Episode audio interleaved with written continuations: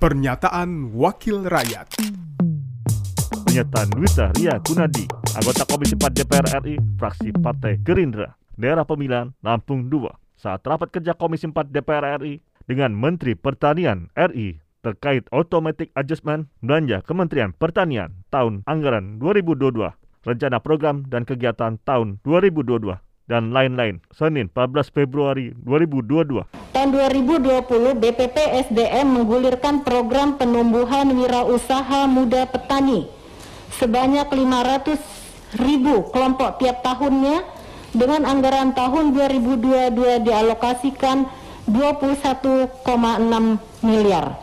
Sepanjang tiga tahun ini bagaimana monitoring, evaluasi, dan strategi mendukung capaian program tersebut. Karena Pak, saya pikir ini harus bersinergi dengan program nasional kita.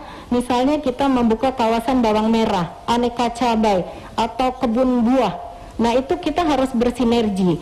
Ketika ada usulan wirausaha pemuda uh, muda pertanian ini, kita harus arahkan bahwa mereka juga harus mem bisa membantu memikirkan bagaimana program-program nasional yang dilaksanakan tersebut. Seperti kemarin di Brebes itu kita e, berlimpahnya panen bersama bawang. Nah, kalau ada wirausaha muda petani yang di sana bergerak bersama-sama, tentunya ini akan mengurangi juga e, e, cepat memanfaatkan hasil pertanian tersebut. Jadi kami tidak hanya sekedar e, kegiatan ini menghabiskan anggaran, e, tapi mempunyai tolak ukur yang jelas.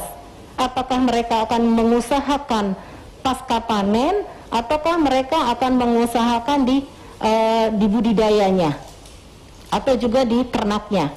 Pernyataan Nwita Ria Kunadi, anggota Komisi 4 DPR RI, fraksi Partai Gerindra, daerah pemilihan Lampung II, produksi TV dan radio Parlemen, Biro Pemberitaan Parlemen, Sekjen DPR RI. Pernyataan Wakil Rakyat.